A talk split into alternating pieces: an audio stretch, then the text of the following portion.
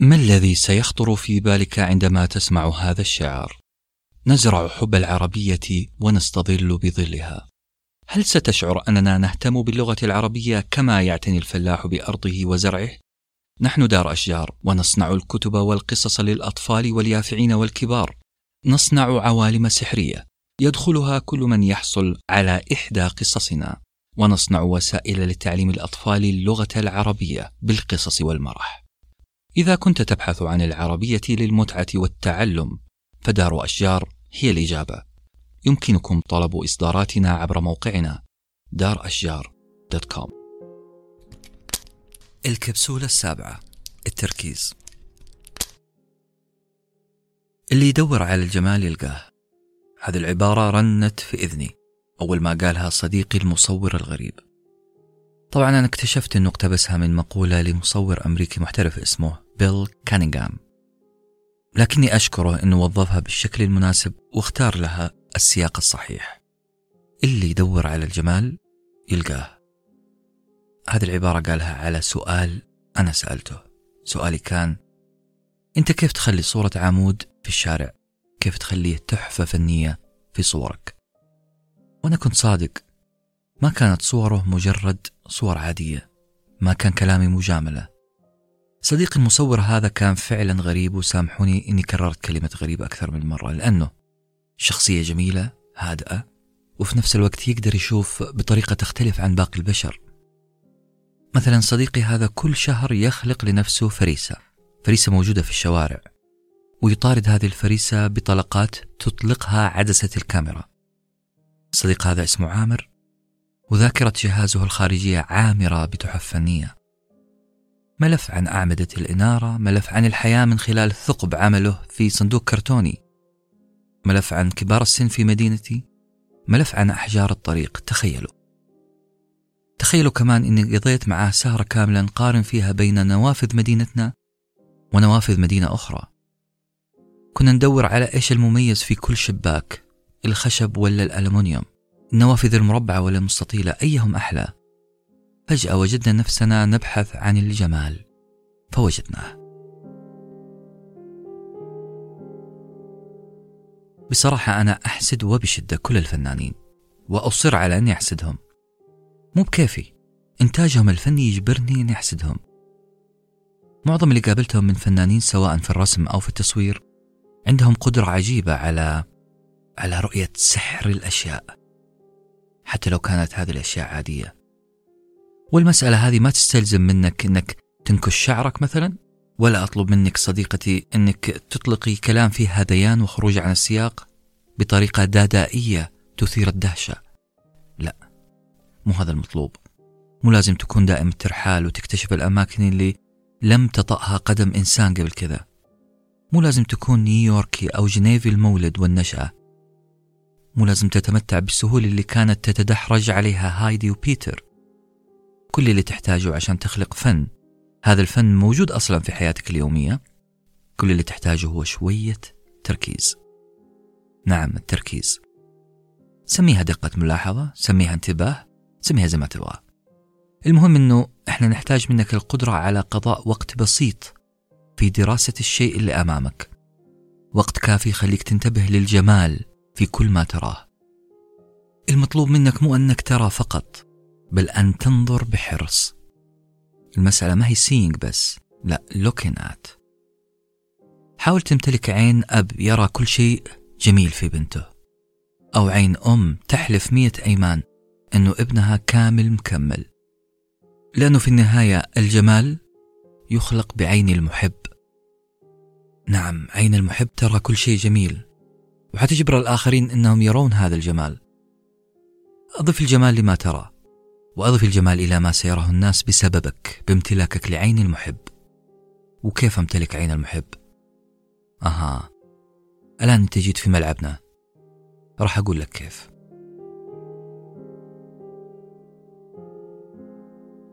التركيز والانتباه وقوة الملاحظة عبارة عن عضلة. هذه العضلة تنمو بالتمرين وتترهل وتضعف بالكسل. إذا أنت محتاج شوية تمارين. بصراحة هذه التمارين تحتاج جرأة لأنك وأنت تتمرن راح تتصرف بطريقة غريبة أحيانا.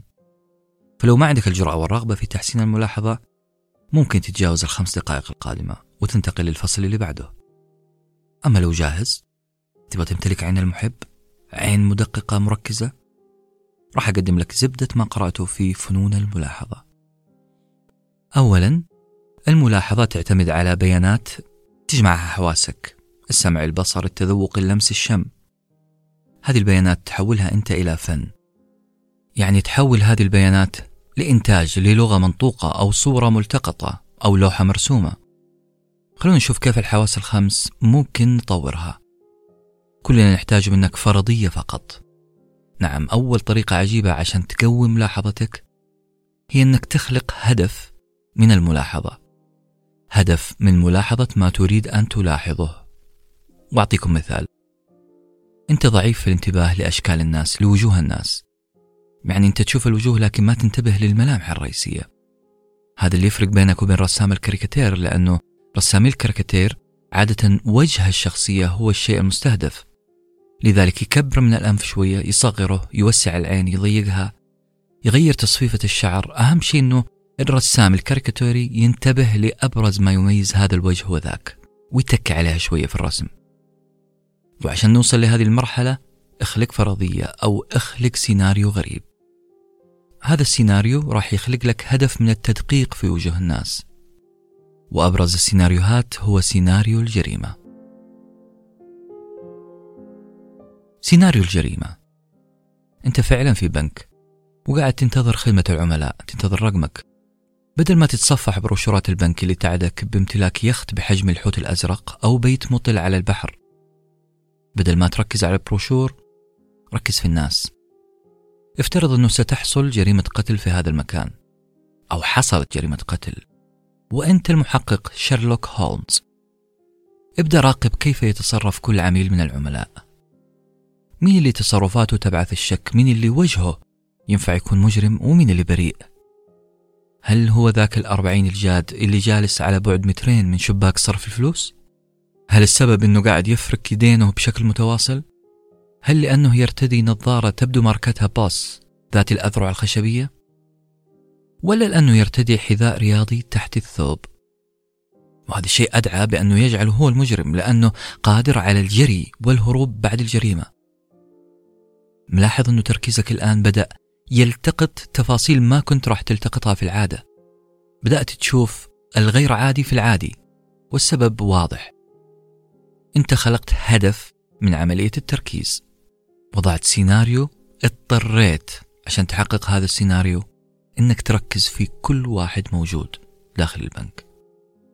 هذا تمرين واحد، تمرين السيناريو وخلق هدف للتركيز. في أكثر من 300 تمرين آخر. راح نسمع كل هذه التمارين بالتفصيل إن شاء الله في بودكاست اسمه كائن حي بصوت شموخ عبد الكريم. وراح نسمعه في حلقة منفصلة عن كتاب بعنوان قوة الملاحظة من دار تشكيل.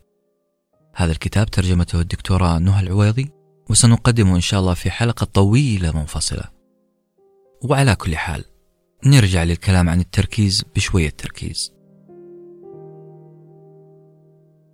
لازم تعرف أن التركيز هي قيمة مفقودة في زمن يحتفي بإيش يا جماعة؟ يحتفي بالسرعة، بالدليفري، بال take away، بالمعلبات. معلش، كلام يزعل لكن هذه طبيعة مجتمعنا، مجتمعنا يحتفي بالسرعة في كل شيء. وعشان كذا إحنا ننادي ليل نهار بسالفة التأمل. وصلتنا رسائل كثيرة. تحذرنا من تبني تقنيات شرقية وغربية زي اليوغا مثلا وقوة الآن واسترخاء التأمل إلى آخره. تحذيرات من ناس محبين لنا مشفقين علينا وخائفين من الانزلاق في هذا الوادي.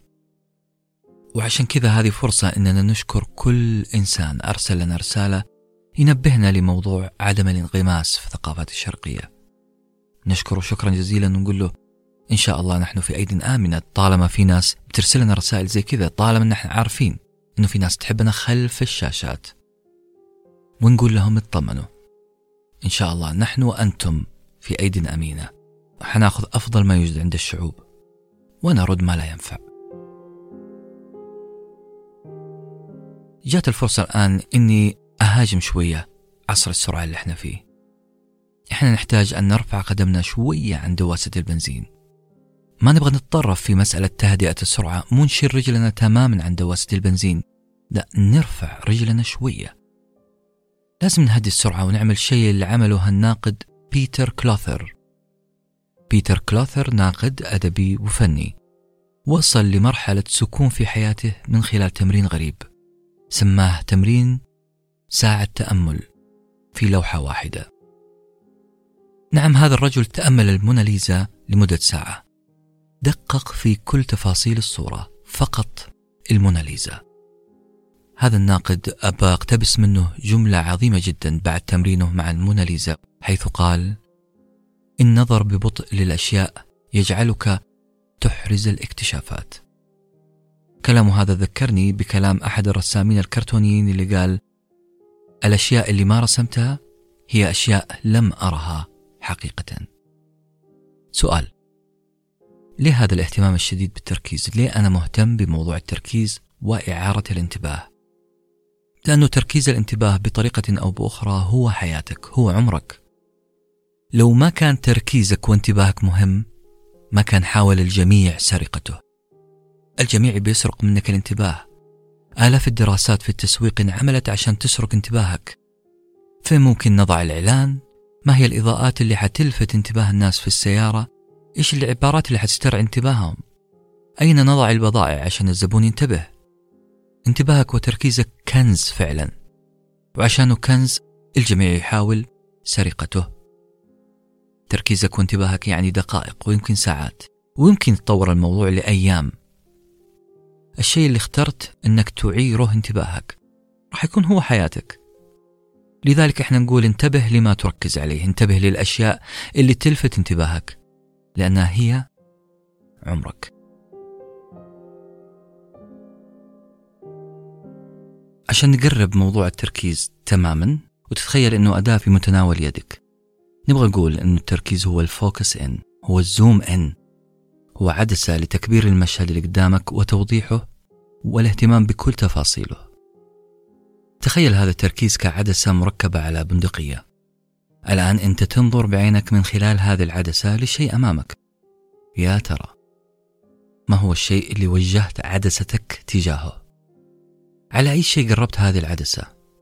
على الكوميديا؟ إذا راح تبدأ تجمع كل البيانات وكل التفاصيل لها علاقة بالكوميديا. على النكد والدراما؟ إذا في الفيلم اللي أنت تتفرج عليه راح تركز على الدراما. أنت مركز على السفر والفنادق والسياحة معناها حترتفع معاييرك السياحية. ولو مركز على تكتيكات المدربين في كرة القدم راح تصير محترف في تحليل تكتيكات الملاعب. لهذا السبب أعتقد جدا مهم جدا إننا نسأل نفسنا ما هو الشيء اللي أنت مركز عليه عدستك طوال اليوم أو في غالب الأيام؟ لأنه جواب هذا السؤال قد يحدد أي نوع من الفنانين أنت وأي مجال فني حتتخصص فيه. يا جماعة قلناها كثير ونعيدها التأمل الذاتي مهم دراسة نفسك مهمة لأنك حتبدأ تدرس أهم شخص في حياتك. حتدرس نفسك وتحلل أنماط تفكيرك وين رايح اهتمامك. ممكن إنك تسمع صديق لك. أو واحد معك في الجلسة يسخف من هذا النوع من الممارسات. يقول لك لا تحبكها إيش يعني تأمل ذاتي؟ لكننا نقول له ابدا ابدا ابدا. أهم أنواع الذكاء هو ذكائك مع نفسك هو فهمك لنفسك وإمكانياتك واهتماماتك. اشتر دفتر وابدأ بتدوين يومياتك وعيد قراءة هذه اليوميات. وانتبه للشيء اللي كنت مركز عليه من خلال هذه اليوميات. مع دراسة نفسك أكثر وأكثر التأمل الذاتي أكثر وأكثر راح تلاحظ التغيير الإيجابي في حياتك. خلوني أحكيكم قصتين وأبشركم أنها قصتين قصيرة وموضوعها عن أهمية توجيهك لعدسة البندقية في مكانها الصحيح. الأولى قصة في بداية عملي. كانت مهمتي مقابلة الجمهور التعامل معهم الاستماع لهم وحل مشاكلهم. أول أيام عملي ولأني قليل خبرة. صابتني حالة يسمونها التركيز المفرط في الذات self consciousness. هذه الحالة حالة التفكير المفرط في الذات أو التركيز المفرط في الذات جاتني وأنا في وسط عملي. يعني أنا عايش مع عقلي فقط وما يقوله لي هذا العقل. أتذكر بالتحديد أني كنت مهتم بكيف يبدو شكلي أمام الناس. كيف هو صوتي؟ هل صوتي عالي ولا منخفض؟ هل هو حاد ولا مزعج؟ هل شماغي مرتب؟ هل عقالي يضحك؟ خاصة السؤال الأخير كان هاجسي. لذلك معظم وقتي وأنا في مقابلة الجمهور كنت أعدل في النسفة كما يقال نسفة الشماغ. كنت أضبط العقال وأسأل مية سؤال له علاقة بالعقال. وآخر هم الناس. آخر همي. الناس اللي المفروض أنا موجود هنا عشانهم. الناس اللي المفروض أركز عدسة البندقية عليهم. هم الهدف. وللأسف عدستي كانت مركزة على العقال والشماغ وأزرار الثوب. اللي حصل لاحقا أني ومع كتابة مذكراتي وبالضبط لما بدأت أوصف توصيف دقيق لما يكون داخل عقلي وتصرفاتي أثناء العمل انتبهت. انتبهت أن اللي كان يوجهني هي أفكار مسلطة الضوء على شكلي. بعد هذه الدراسة اللي تستحق أني أسميها دراسة علمية اكتشفت أن العدسة يجب إعادة ضبطها وتوجيهها لتكون على الناس. وبعد فترة من التأمل الذاتي وكتابة المذكرات أعدت توجيه العدسة على الهدف. تعدلت أسئلتي معهم صرت أعطيهم انتباه أكثر إنصات أكثر ظهر التفاعل اللازم معهم. وفي كل الأحوال كان العقال وقتها في مكانه المناسب وبدون أي ابتسامة. القصة الثانية. هذه القصة حصلت بعدما بلغت من العمر عتية بالتحديد في رمضان قبل الماضي. بعد تأسيس ساندويتش ورقي بشكل مؤسسي بدأت أسأل أسئلة تركز على مصادر تمويل المشروع. بدأت أركز على أفضل إدارة أفضل هيكلة تدعم الإنتاج. بالي بدأ يهتم بالتسويق والجودة إلى آخره. كلها أسئلة مهمة لكنها شغلتني عن الوزة اللي تبيض ذهب شغلتني عن القراءة عن المراجعة عن التأمل فيما أقرأ. ابتعدت كثير عن القراءة لفترة ووجدت نفسي أكرر نفس الأفكار في البودكاستات. اللي حصلوا بعد قراءة يومياتي وجدولي وجدت أني ركزت كثير وبشكل مبالغ في حضور دورات عن الإدارة. أني أشاهد محاضرات وفيديوهات لمدراء تنفيذيين. ما أقول أني ما استفدت من هذه المحاضرات أبدا لكن وجدت أني ممكن أستعين بفريق متخصص فريق إدارة متخصص يساعدني أرجع للوزة الذهبية. وهذا اللي حصل. عدت للقراءة والتحليل ورجعت عدستي لمحتوى ساندويتش ورقي. لذلك سؤالي لك صديقي وصديقتي إلى أي اتجاه تتوجه عدستك؟ أصدقائي شتلة الزرع قد لا تعني لكم شيئا لكنها تعني كل شيء لشخص شافها بذرة. ولاحظ أن هذه البذرة بدأت تكبر وسقاها كل يوم بل حادثها وكلمها وكأنها طفلها المدلل. لين نروح بعيد. رؤية أبنائي وهم يكبرون يتعلمون الغش في لعب الورق. نجاحهم أول لوحة رسموها أول شهادة نجاح وأول صعود لهم على المسرح كلها. كلها أشياء تعني لي الكثير. تعني لي يعني لها معنى خاص عندي. كل هذا لأني مركز عليهم نظري وسمعي وقلبي كل شيء مركز عليهم. لما نعطي الأشياء حقها من الاهتمام والانتباه تصبح ذات معنى ومعنى يهمنا. راح تصبح متفردة أمامنا غير عن باقي أشباهها. إحنا نبدأ نرى فيها أدق التفاصيل. الانتباه والتركيز مهارتين لا يستغني عنها أي فنان. لذلك لو تبغى ترجع تشحن نفسك بالطاقة لو تبغى تعيد الدهشة لروحك الفنانة لو تبغى حلاوة البدايات خلي عبارة إعارة الانتباه والتركيز نصب عينيك. الكبسولة الثامنة تجديد الأفكار. الكتاب لفت نظري لشيء مهم قاعد يحصل في العالم. والشيء المهم هذا هو وسائل التواصل. هذه الكلمة اللي سهر الناس جراها واختصموا.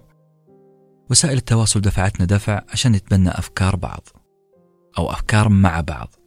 وهذا اللي يسموه التوجه العام أو الرأي العام. نفعنا الرأي العام أو توحيد الرأي العام في تطوير موقفنا من قضايا مجتمعية ما كنا ماخذين منها أي تركيز أو أي انتباه زي التحرش التنمر الوسطية. إحنا صرنا نأثر في آراء بعض. وهذا بحد ذاته ظاهرة إيجابية. ما أدري فين قرأت إحصائية قبل فترة عملها أحدهم في تويتر وطلعت النتيجة أن الناس تتغير آراءها أو تغيرت آراءها ومواقفها بسبب اختلاطهم مع بعض في تويتر. وهذه دراسة ما أدري هي علمية موثقة لكن كانت موجودة في تويتر عن العالم العربي ككل.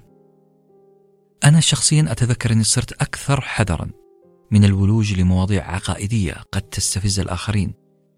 لأننا صرنا إحنا والآخرين في مكان واحد. هذا الحذر اللي في وسائل التواصل انسحب على باقي الأماكن اللي خارج وسائل التواصل في حياتي العادية.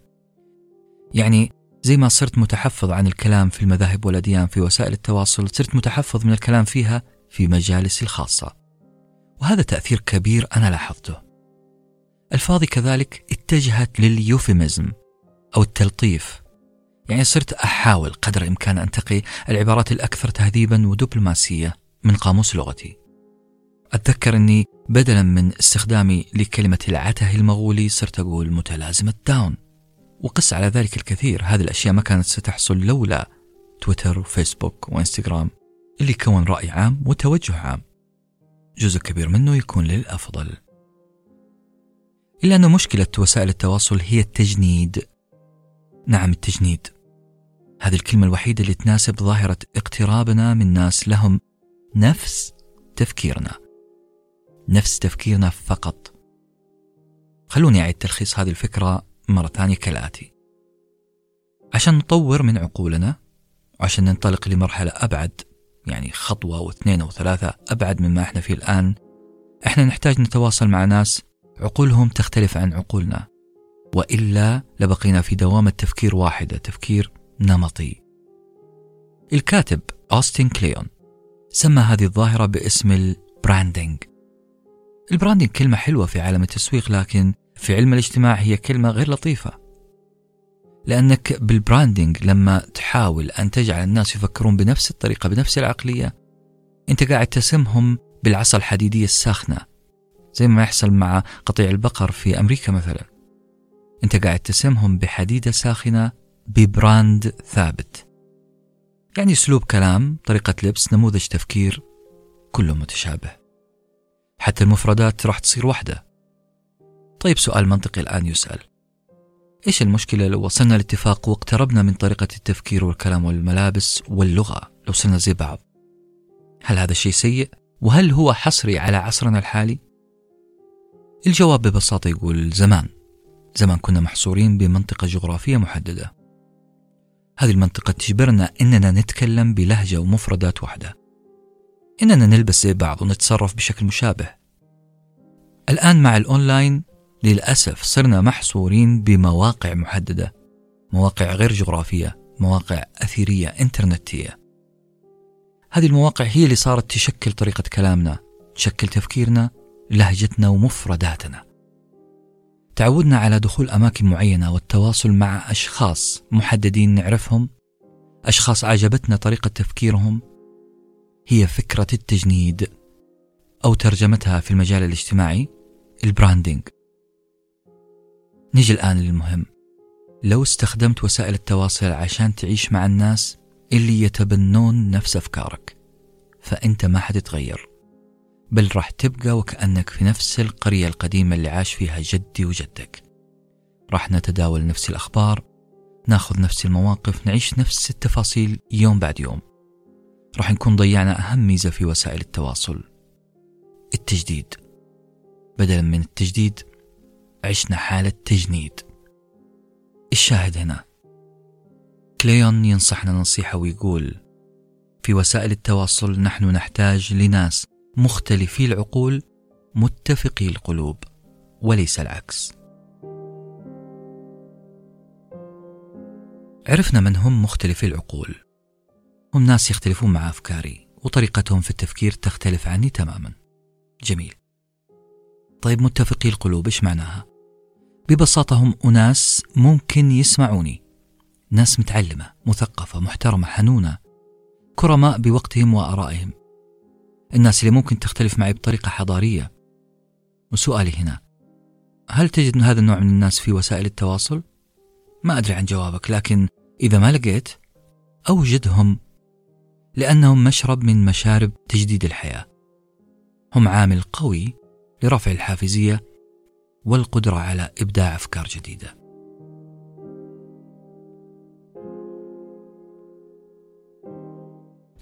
الكبسولة الثامنة. مواسم الجفاف. صرخ صديقي بعبارة زلزلتني وقال ميسي انتهى. هذه العبارة قالها بعد ما انتهت مباراة لبرشلونة بالتعادل تعادل بطعم الهزيمة. ميسي انتهى.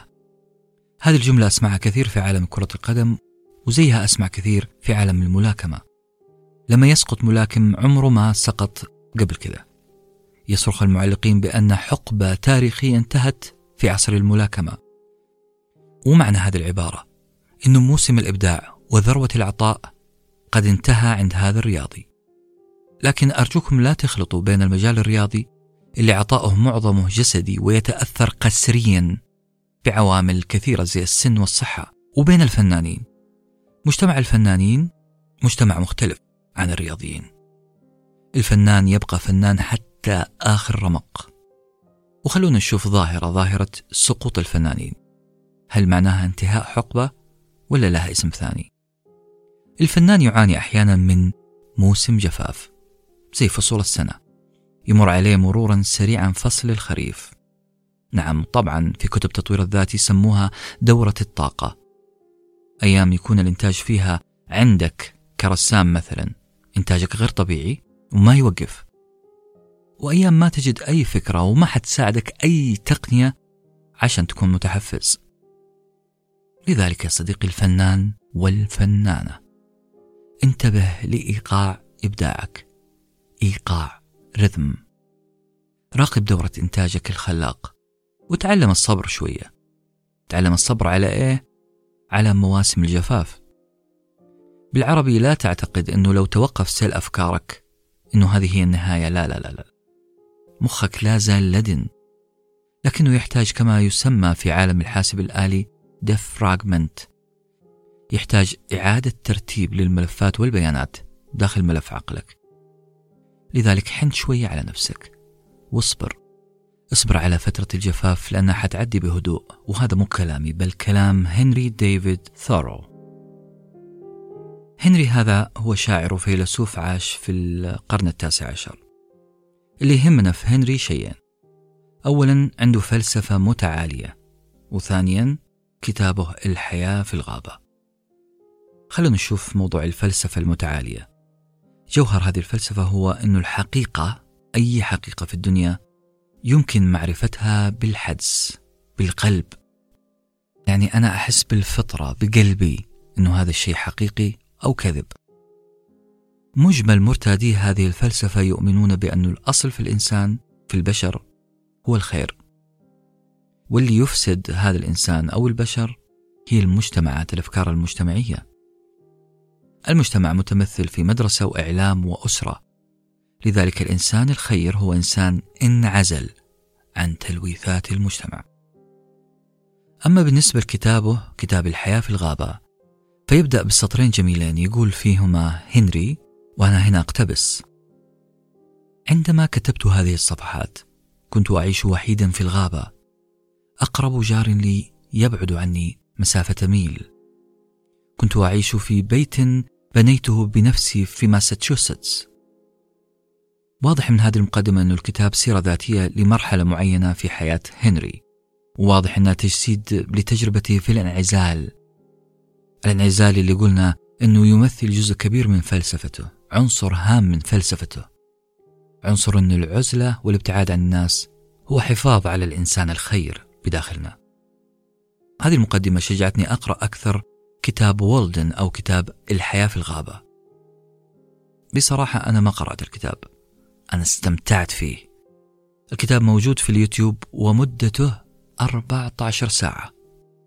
متخيلين؟ هذا الشيء اللي خلى الحلقة هذه تاخذ أكثر من شهر كتابة. لا والله شهرين ويمكن أكثر. الكتاب هذا سحبني من موضوع في موضوع في موضوع. إلى أن وجدت كلام يتضمن حديث مهم عن الحافزية. عشت مع هذا الكتاب في نفس الكوخ وسط الغابة مع هنري وقدرت أربط بين الفلسفة المتعالية وبين بقاء هنري في كوخ لوحده. هنري باختصار خاض تجربة روحانية من طراز فريد تجربة العزلة. راح أترككم مع قليل من الترجمات بتصرف شديد عشان نعرف كيف كان هذا الشخص يتغزل في العزلة. كيف يتلذذ بالتعرف على نفسه وعلى الحياة ككل؟ يقول هنري في قيمة الإبداع وخلق الجديد وأنا هنا أقتبس لا تعتقد أن بناءك قلعة في الهواء هو خسارة أو حمق فهذا هو مكان القلاع عاليا في السماء. ابني قلعتك في الهواء ثم ابني تحتها الأساسات. انتهى الاقتباس. هنري كمان يبرز أهمية عيش الحياة كما هي بدون اعتراض فيقول وأنا هنا أقتبس مهما قست عليك الحياة عشها كما هي ولا تنعتها بأفظع الأسماء فهي ليست بخيلة وظالمة كما تتصور وبالعموم الباحث عن العيوب سيجدها حتى في الجنة. الشمس الغاربة تمر من خلال نافذة منزل قديم كما تمر الشمس الغاربة من خلال نافذة قصر عظيم والثلج يذوب في كلا المكانين في بداية الربيع. انتهى الاقتباس.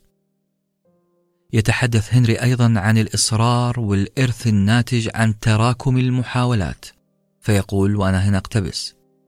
خطوة واحدة لن تجعل الأرض ممهدة وفكرة واحدة لن تغير في العقول شيئا. تتابع الخطوات وسيل التفكير هو ما يحقق لك ما تريد. انتهى الاقتباس. أما عن امتلاكك لنفسك وتحررك من الاستعباد فيقول هنري بعكس ما يرى معظم الناس يكون الإنسان غنيا بعدد الأشياء التي يستطيع الاستغناء عنها. هنري يقول عن استعباد المادة للبشر بطريقة غريبة أكثر الناس تحولوا إلى أدوات لأدواتهم. وبعد كذا يطلبك هنري أن تبحث عن الصوت بداخلك. هذا الصوت اللي يجعلك متفرد عن الغير فيقول وأنا هنا أقتبس. إن كنت لا تستطيع الرقص على إيقاع الآخرين. فربما كان ذلك لأنك تستمع إلى موسيقى أخرى.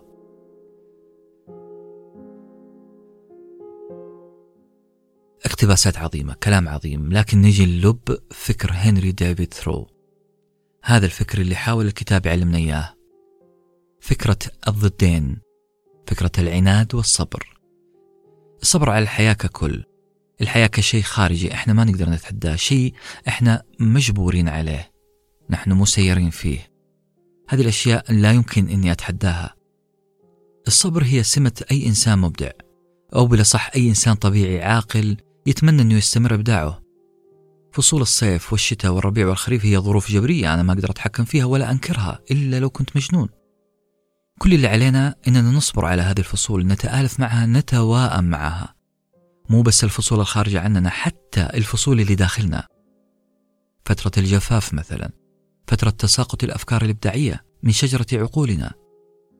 هذه مرحلة يجب أن نصبر عليها يجب أن ننتظر قليلا لتزهر وتثمر بعدها في فصل الصيف.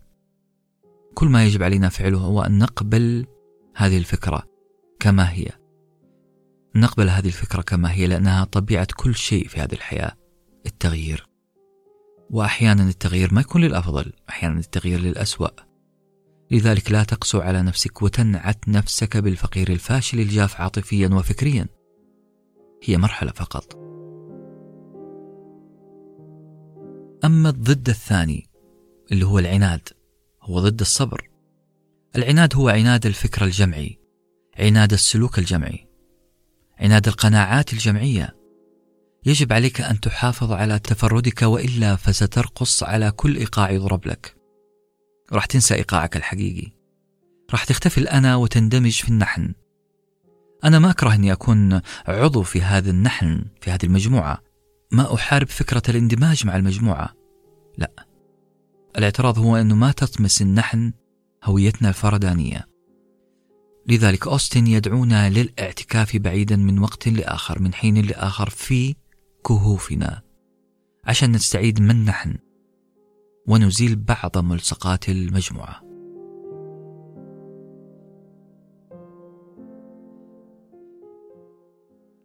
أصدقائي بعد هلوسة النوم الطويلة هذه اللي اعتقدت فيها أني أوستن كليون. واللي تكلم فيها عن مجموعة من الكبسولات اللي ممكن ترفع طاقتك وتعيدك لحلاوة البدايات. فتحت عيني وأنا على السرير. وبجانبي كتاب Keep Going وأخذت أحاول أتذكر قائمة المية نشاط لكسر الروتين. كيف نستعيد بريق البدايات حلاوة البدايات. الأنشطة اللي ذكرها لي أوستن. بالكاد تذكرت 16 نشاط منها. بدأت في تدوينها لأبدأ صفحة جديدة من حياتي. حياة قاعدتها الروتين واستثناءها كسر الروتين. هذه الأنشطة اللي وعدناكم فيها في نهاية الحلقة. أترككم معها وقبلها أترككم في حفظ الله. النشاط رقم واحد تظاهر بأنك سائح. حاول تضيع في شوارع مدينتك. نعم في كل مدينة وسط بلد أو داون تاون أو منطقة مركزية. أراهنك بأنك ما تعرف عنها أي شيء. حاول تضيع في أزقة هذا المكان اللي عادة يكون أسواق قديمة. ارفع رأسك وأنت تمشي وركز على التفاصيل وخذ واعطي مع البائعين. رقم اثنين. اعمل رحلة ماكروسكوبية اخرج من بيتك ومعاك عدة الرحلات. والغرض هنا أنك ما تروح رحلة بعيدة بل اختر مكان جديد ما فكرت تجلس فيه. حديقة. حديقة قريبة. اجلس فيها. وركز خلال هذه المغامرة أو هذه الرحلة على شيء واحد فقط. النجوم مثلا. أجذع الأشجار. ولو كنت في عز الظهر ركز في السيارات. ولو كنت في ممشى ركز في طريقة مشي الناس. اكسر روتين نظرك للجوال. اكسر روتين طباعتك على ال keyboard واعمل لك مهمة محددة في طلعة مايكروسكوبية. اعتبر هذه المشاهد هي تلفزيونك لهذا اليوم. رقم ثلاثة. انزل إلى حديقة عامة بجانب بيتك وفي يدك نوتة ورقية. ابدأ في مقارنة أوراق الشجر. ارسم كل ورقة شجر ووصفها كتابة. خليك زي داروين. حاول تفحص كل الأنواع اللي في البيئة أنواع الأوراق وتصنيفها واسمها العلمي. احتفظ بهذه الأوراق لأنها أشبه فعلا ببحث علمي دارويني.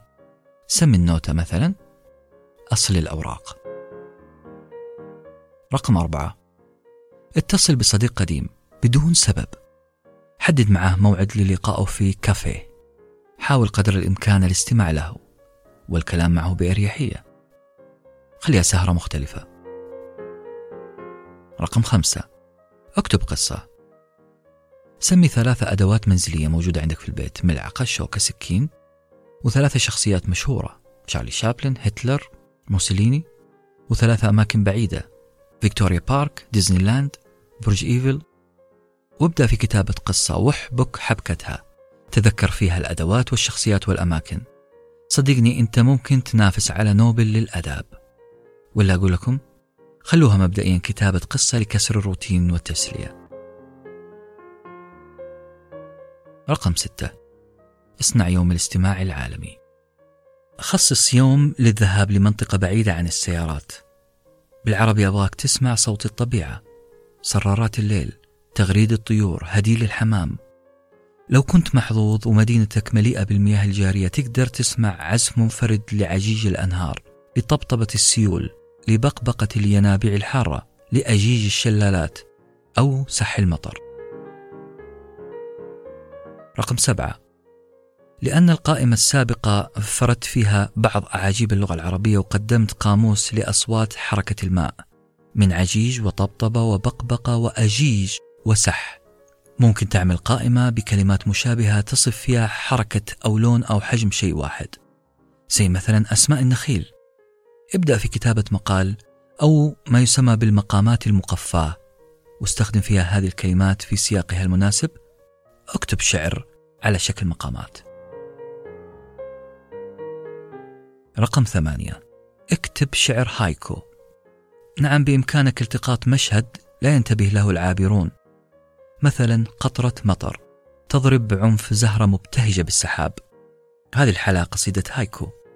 اكتب عن قط بائس يبدو وكأنه يشتم في قرارة نفسه الشارع والناس. اكتب عن البيوت وألوانها المتنافرة اللي تعبر عن قلوب أهل المكان. اكتب شعر هايكو اللي هو عبارة عن شعر ياباني من ثلاثة أسطر. وزنه بسيط جدا. السطر الأول خمس مقاطع السطر الثاني سبع مقاطع والسطر الثالث خمس مقاطع. رقم تسعة. اكتب كوميديتك الخاصة. صديقي وصديقتي اجلسوا على الشيزلونج استرخي تماما وابدأ في استحضار كل المواقف المضحكة في حياتك. أي موقف خلاك تبتسم وتقهقه أو على الأقل خلاك تبتهج داخليا سواء كان هذا الموقف محرج أو عادي. بعد هذه الجلسة دون المواقف في دفتر. وابدأ في ترتيب القصة عشان تحتوي على setup و punch line وصدقني حتستفيد من هذه القصص مستقبلا إذا عملت عروض تقديمية. وحتستفيد منها الآن لما تلاقي نفسك كسرت الروتين وجدت حياتك. رقم عشرة. ابدأ معرضك الخاص والتقط كاميرتك أو حتى جوالك. انزل لشوارع الحي اللي انت ساكن فيه. وحط في بالك شيء واحد إنك تبحث عن الجمال في كل شبر. مو لازم تروح جنيف عشان تتمتع بتلالها ولا تروح نيويورك عشان تشاهد ناطحاتها أو تستمتع بمشاهدة شلالات كندا. هدفك الآن خلق صور جميلة من زوايا جديدة لحيك السكني. صور من زوايا جديدة بعدسة مقربة. خليك فنان شعاره الجمال في عين الرائي. اصنع ألبومك الخاص في موقع فليكر مثلا. واكتب تحت كل صورة اقتباس أو انطباع كنت تشعر فيه أثناء التصوير. رقم 11 صدعت من كثر الشغل؟ حارب النار بالنار. حارب الصداع بصداع مختلف شوية. أقصد بنشاط متعب شوية لكن نشاط بريء جدا. التقط قصة للصغار وجمع أقربائك من الأطفال وحاول تقرأ لهم القصة واستمتع بأسئلتهم. انزل معهم بالإجابات لأبسط شكل ابتسم على كل ما سمعت من سؤال غريب. وارفع حواجبك تعجبا على فضولهم. وحببهم في المعرفة. وبصراحة جهز بندولك احتياطا. رقم 12 عيش السريالية. حط عينك على لوحة سريالية شغلها في شاشتك الكبيرة في الصالة شغلها في لابتوبك. وابدأ تحليل هذه الصورة بمزاج. فمعنى الشعر لو كان في بطن الشاعر فإن اللوحة السريالية معناها في عين الرائي. اربط بين الأشكال والألوان واخترع سيناريوهات. لا تتوقف عن المشاهدة حتى تكمل العشرين دقيقة. وإذا ما تعرف اللوحات السريالية اسأل سلفادور دالي. رقم 13 خليك فخم بشكل مبالغ فيه. هذا النوع من الأنشطة هو أشبه بتقمص الأدوار. أعلم أنك عزيز المستمع والمستمعة أعلم أنكم فخمين جدا فخمين من الداخل ومن الخارج. لكن اليوم راح نبالغ في الفخامة. اضرب موعد مع صديقك المفضل. البسوا أفضل ما لديكم. اختاروا أفضل مكان في مدينتكم كمطعم مثلا. جهزوا مواضيع فخمة للحديث عنها واطلبوا مشروبات وأكل فخم. السهرة كلها على بعضها مفخمة لكسر الروتين. وما أدراك يمكن يعجبك هذا النمط من الحياة. إذا حصل لا تنسى تحسب حساب ميزانيتك الجديدة. رقم 14 هل أنت من سكان الخليج؟ أو حتى من سكان العالم العربي؟ تمام. أعتقد أنك تحتاج جرعة أكسجين زائدة. خاصة أنا في منطقة جبلية أحتاج هذه الجرعة من الأكسجين. عشان كذا أروح للمشاتل. خذ جولة بين الأشجار اللي تطلق عليك الأكسجين بلا هوادة. ولا مانع طبعا بعد هذه الجولة داخل المشتل أنك تطلب لك شتلة صغيرة على الأقل. عشان تضمن أنه البائع يستقبلك المرة الجاية بدون تكشيرة. رقم 15 انصر الضعيف. قد تبدو هذه العبارة عبارة بطولية شوية ملحمية. لكن بصراحة هي نصرة يدك الأضعف اليد اليسار غالبا. انصر هذه اليد بأنك تستخدمها في مهامك اليومية. خصص يوم أو ساعة على الأقل من اليوم لاستخدام يدك الأضعف اليد اللي ما تستخدمها عادة في الكتابة أو الطباعة أو تركيب الأشياء. وهذه حلاوة التمرين. خروجك عن المعتاد. ومو بس كذا هو اختبار لقياس مدى صبرك على التغيير. أنا كتبت ملاحظات هذا الفصل باليد اليسار وهذا واحد من الأسباب اللي خلتني أتأخر عن رفع هذه الحلقة. ورقم 16 أدعوكم لسماع بودكاست كائن حي بصوت شموخ عبد الكريم. راح تجدون كثير من الأنشطة المشابهة وفي حفظ الله.